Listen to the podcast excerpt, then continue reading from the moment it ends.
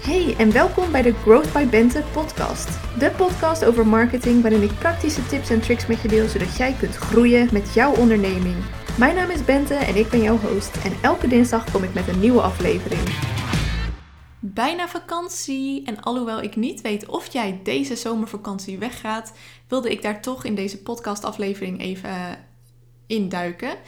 We zitten namelijk vlak voor de, de, de herfstvakantie, maar zo laat is het nog niet. Vlak voor de zomervakantie. Ik ga zelf een weekje naar België, naar de Ardennen met mijn schoonfamilie. Heel gezellig. En dat is het eigenlijk. Wij kiezen er meestal voor om buiten het hoogseizoen te gaan. Meestal lekker in de herfst, als iedereen al geweest is. Dan horen we van iedereen de vakantieverhalen en dan mogen wij lekker nog.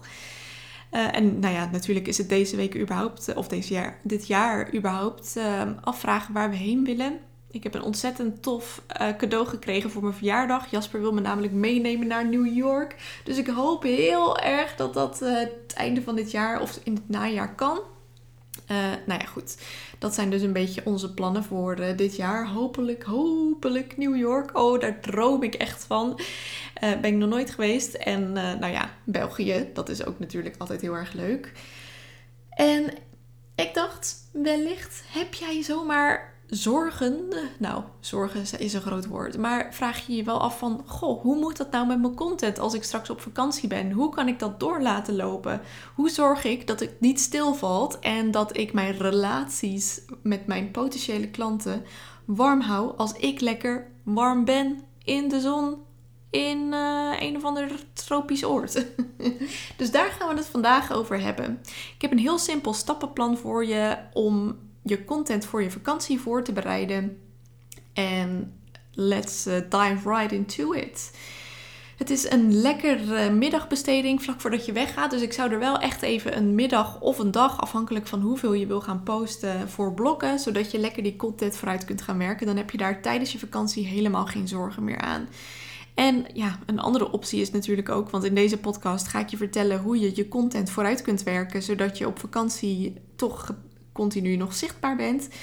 Maar een optie is natuurlijk ook om te zeggen: jongens, ik ben er even niet, uh, toedeledokie. Maar wat ik persoonlijk fijn vind aan uh, de content wel door laten lopen, is dat je dan, nou eigenlijk wat ik net een beetje zei, dat je dan toch aan je relaties aan het werken bent.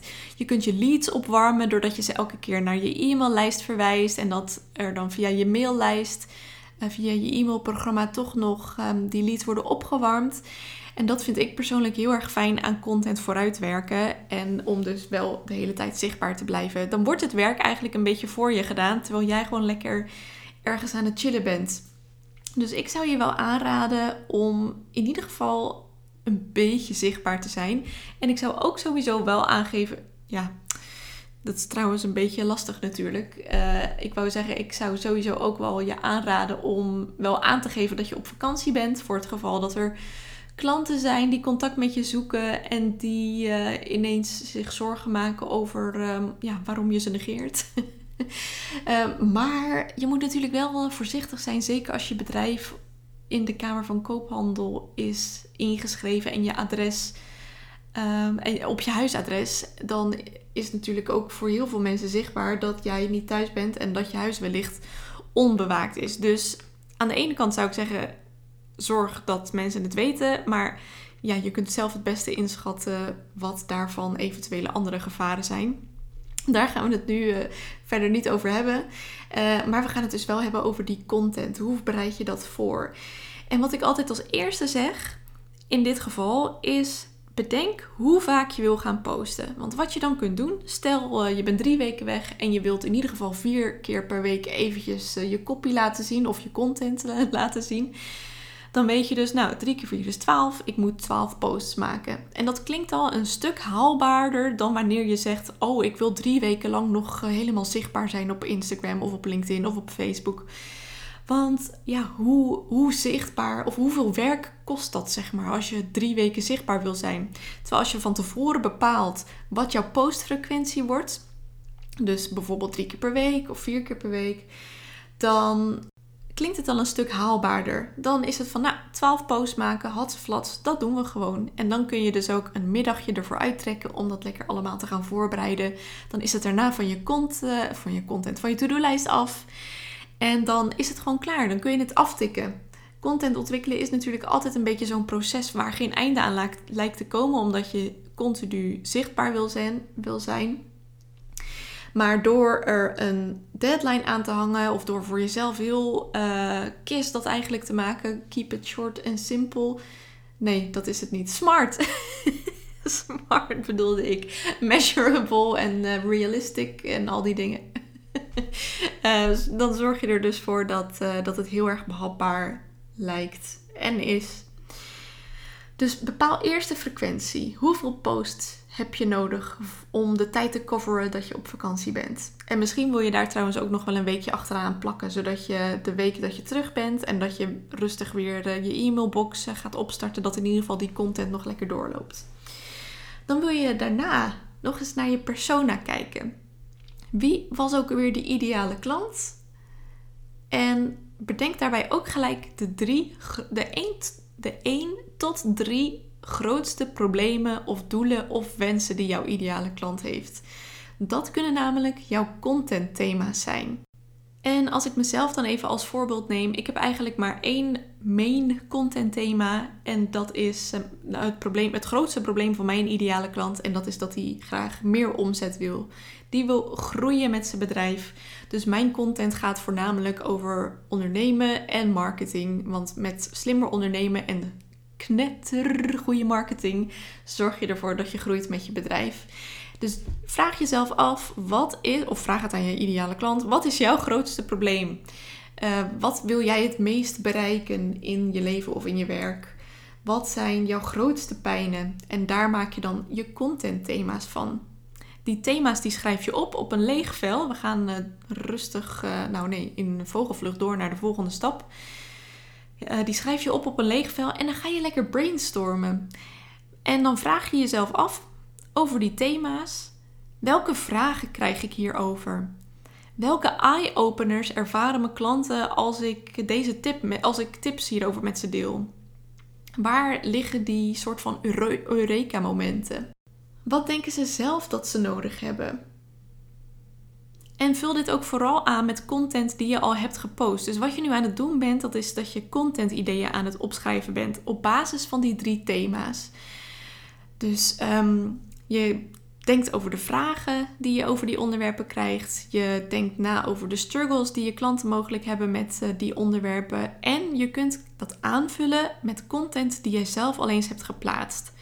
Dus ik zou, wat ik zou doen is eerst even 5 à 10 minuten brainstormen. Zet ook even een timer, dan uh, word je een beetje achter de hielen aangezeten, zeg je dat zo. En kijk daarna naar je eigen content. En kijk bijvoorbeeld welke content het het beste heeft gedaan. Qua bijvoorbeeld bereik, interacties, aantal keer opgeslagen, klikken naar de website. Dus wat triggerde het meeste jouw ideale klanten om een vervolgactie te nemen? Bijvoorbeeld een interactieactie of bijvoorbeeld een klikactie naar je website. Want daarvan weet je dan, oké, die hebben al goed gewerkt, dus waarom zou je dat niet nog een keer inzetten? Dus daar maak je een verzameling van, van nieuwe ideeën en van oude content die dat, eh, dat goed heeft gewerkt.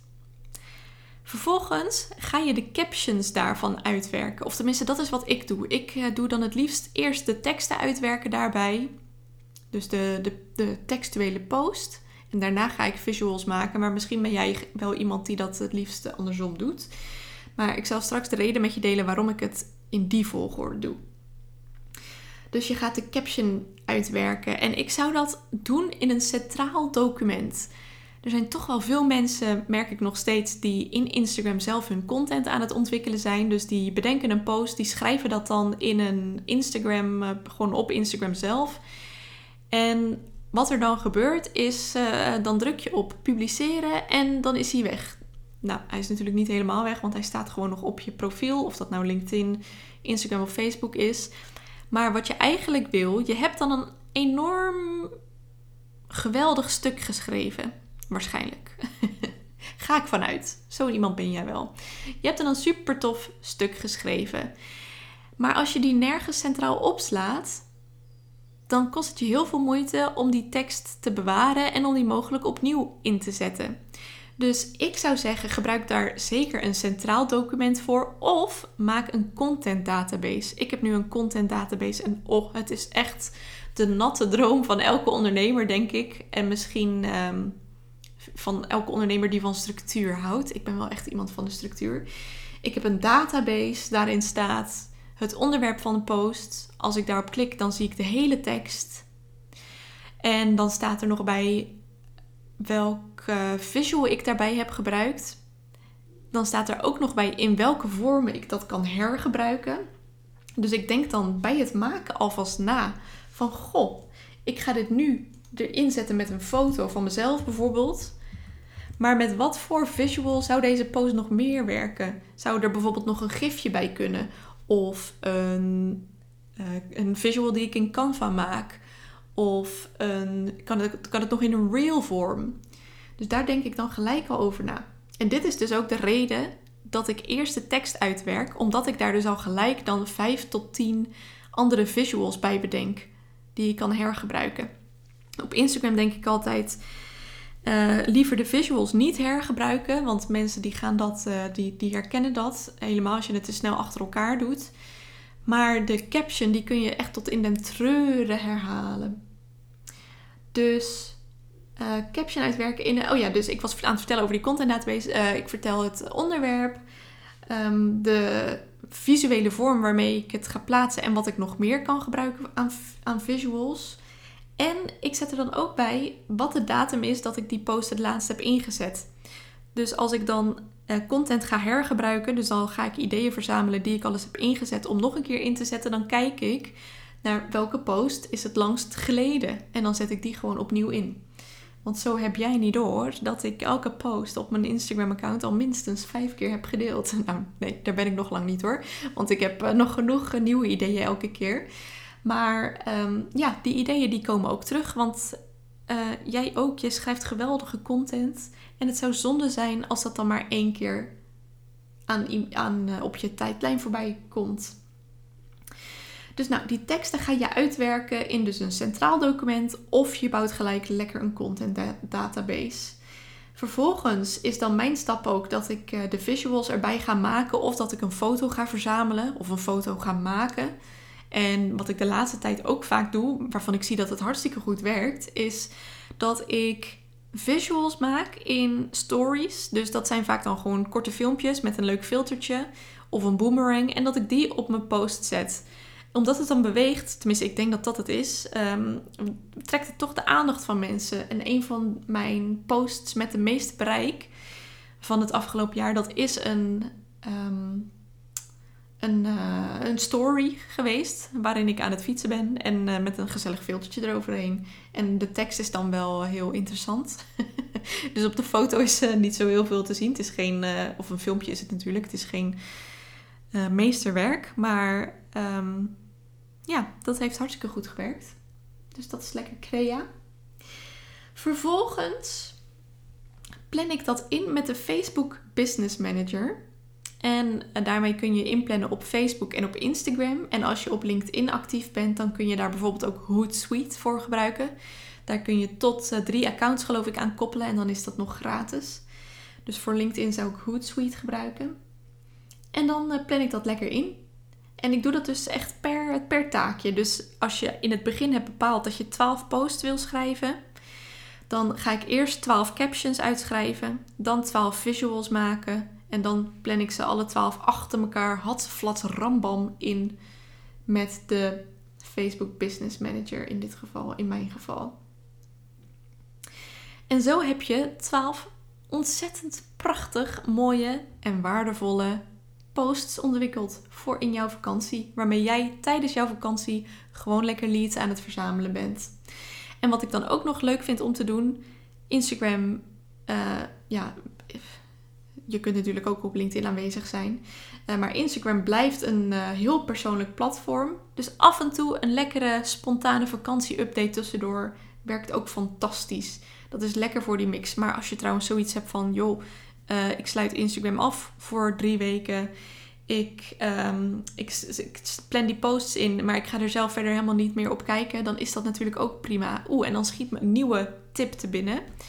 Je kunt namelijk via diezelfde Facebook Business Manager, of volgens mij was het via de Facebook Business Suite, dat laatste volgens mij, de Business Suite, kun je een out of office instellen in Instagram. Heel handig. Dus als iemand je dan een DM stuurt, dan krijgen zij gewoon automatisch een berichtje met: uh, ik ben er even niet. Uh, hou je plas maar even op of uh, stuur me een e-mail. Maar dan krijg je toch dezelfde out of office. Zoiets. Nou, iets aardigers natuurlijk. Wat ik bijvoorbeeld laatst heb gedaan toen ik een weekje op de Veluwe zat met een digital detox is dat ik uh, precies dat zei. Van ik ben op vakantie, ik heb een digital detox, dus ik kijk niet op Instagram. Even verwachtingen managen. Maar mocht je nu al gelijk stappen willen zetten met je marketing of met je, uh, nou nee, je marketing in dat geval, download dan mijn freebie via de link in mijn bio.